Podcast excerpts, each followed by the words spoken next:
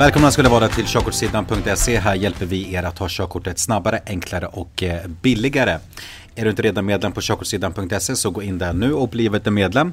Då kan du plugga till körkortet. Vi har även körkortsljudboken som du kan lyssna på helt gratis. Den finns på Spotify och där poddar finns. Då kan du lyssna på alla 42 kapitel helt gratis. Och om en stund så kommer även våran app på App Store och Google Play. Så du kan plugga mycket mer användarvänlighet via telefonen också. Men hörre ni, det här är ett nytt avsnitt utav 10 stycken körkortsfrågor. det här är avsnitt 43. Har du inte sett alla tidigare avsnitt så har jag en spellista i beskrivningen på Youtube. Så du kan klicka på den och se alla tidigare avsnitt. Men vi börjar med fråga nummer ett. Och eh, den lyder. Det är en vacker sommardag i juli. Är det rekommenderat att köra bil om däckens mönsterdjup är 2,2 mm? Ja, lagen säger 1,6 mm på sommardäck. Ja, lagen säger 3 mm på sommardäck. Eller nej, däckens egenskaper försämras vid blött vägunderlag. Och Uh, här är rätt svar ja, lagen säger 1,6 mm på sommardäck. Men jag skulle inte gå så långt som till 2,2 mm uh, för att uh, däckens egenskaper försämras jättemycket om du väntar tills att de blir så korta. Så eh, så byt däck när de slits och vänta inte tills du når gränsen på 1,6 mm. Vilken längd måste barn ha uppnått för att endast behö behöva använda bilbälte på en plats där krockkudden är avstängd? 120 cm, 125 cm, 130 cm eller 135 cm?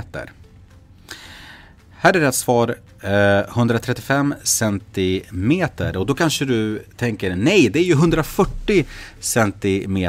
Nja, 135 cm gäller ju eh, där krockkudden är avstängd. Ett barn får sitta vid en plats där krockkudden är aktiverad när de når längden 140 cm. Så var noga om du har ett barn på skillnaden mellan 135 och 140 för att barnet kan skadas av krockkudden om den är aktiverad och barnet är 135 cm eller kortare.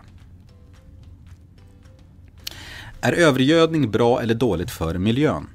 Det är bra för eh, miljön, dåligt för miljön eller ingen påverkan på miljön. Övergödning är dåligt för miljön och jag har en bild här från Wikipedia. Det är ett exempel på övergödning. Och det uppstår ju på grund av utsläpp av mycket gödande växtnäringsämnen i mark och vattendrag. I sjöar och hav kan primärproduktionen öka med algblomning och påföljande syrgasbrist. Övergödning ökar igenväxningstakten av sjöar och gör så att sjön snabbare övergår i en våtmark. Kväveoxider och fosfater anses spela en viktig roll i övergödningen. Naturvårdsverket klassar övergödning som det absolut största hotet mot havsmiljön.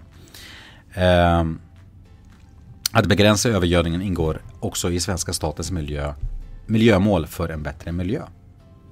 Då vet vi det. Vad stämmer om bränsleförbrukningen?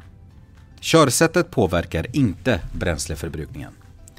Den påverkar inte försurning av naturen eller den påverkas beroende på lasten. Här är rätt svar att den påverkas beroende på, på, på, på väderlasten. Så givetvis, har du mer last så kommer bränsleförbrukningen att öka. Så därför så ska du inte ha med dig mer last eh, än nödvändigt i bilen. Och du ska inte heller ha så mycket luftmotstånd eh, i onödan. Om du vet, till exempel har en takbox och du inte använder den, ta av den.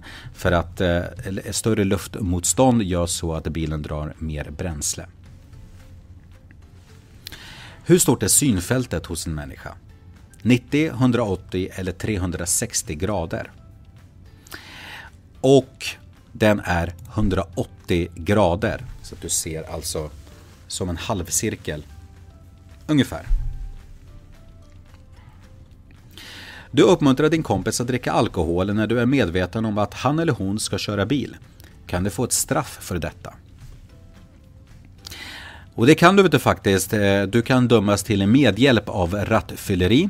Så att eh, uppmuntra inte någon att köra bil som du vet eh, har druckit alkohol. Vad stämmer? Det är förbjudet att backa och samtidigt störa eller hindra trafiken. Det är förbjudet att backa i en trevägskorsning. Eller det är förbjudet att backa på en landsväg. ursäkta. Eh, det finns inget förbud mot att backa på, på, på landsväg eller, eller en trevägskorsning. Däremot så är det förbjudet att, att man eh, stör eller hindrar trafiken. Du vill köra till Boda. Vad stämmer? Alla fordon får följa anvisningen. Eller bara tunga fordon får följa anvisningen. Och det här är ju en spansk sväng som jag pratade lite om i förra avsnittet tror jag att det var. Så att den här spanska svängen som den heter applicerar man på vänstersväng på landsväg där vänstersvängen är, är extra farlig. Så att här är det istället liksom en avfart som man kör eh, ut på som sen kör över vägen man tidigare körde på vilket gör givetvis svängen mycket tryggare. Så alla fordon får följa anvisningen. Hur ska du agera när du ser detta vägmärke en varm junidag? Du behöver bara respektera vägmärket på vintern då det kan råda extra mycket halka. Eller väglaget du kör på kan försämras. Sänk din hastighet. Och här är väglaget du kör på kan, kan försämras. Så oavsett för årstid, eh, det här, det här, eh, eller oavsett för årstid så ska du respektera det här vägmärket.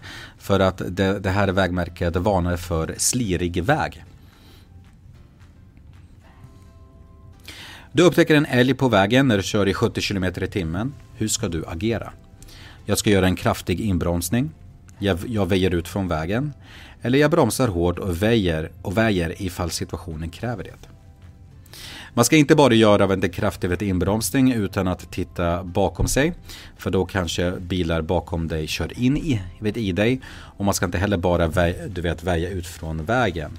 Men man ska alltså vet, bromsa hårt och väja ifall situationen kräver det. Här är det väldigt viktigt ifall man hinner att man tittar vet, bakåt, alltså i backspegeln. Eh, så att eh, man i alla fall försöker undvika att bilar bakom, bakom en kör in i en samtidigt som man undviker älgen. Om en kollision med älgen är totalt oundvikligt så försök att styra bakom älgen. För att älgen går ju antagligen framåt så att du kanske hinner eh, träffa älgen eh, så lite som det bara går. Hörrni, det här var tio stycken eh, körkortsfrågor. Eh, Hoppas att ni lärde er någonting nytt för idag. Prenumerera vet gärna om, om ni inte gör eh, det redan så missar ni ingen video i framtiden. Eh, till nästa gång, kör försiktigt och håll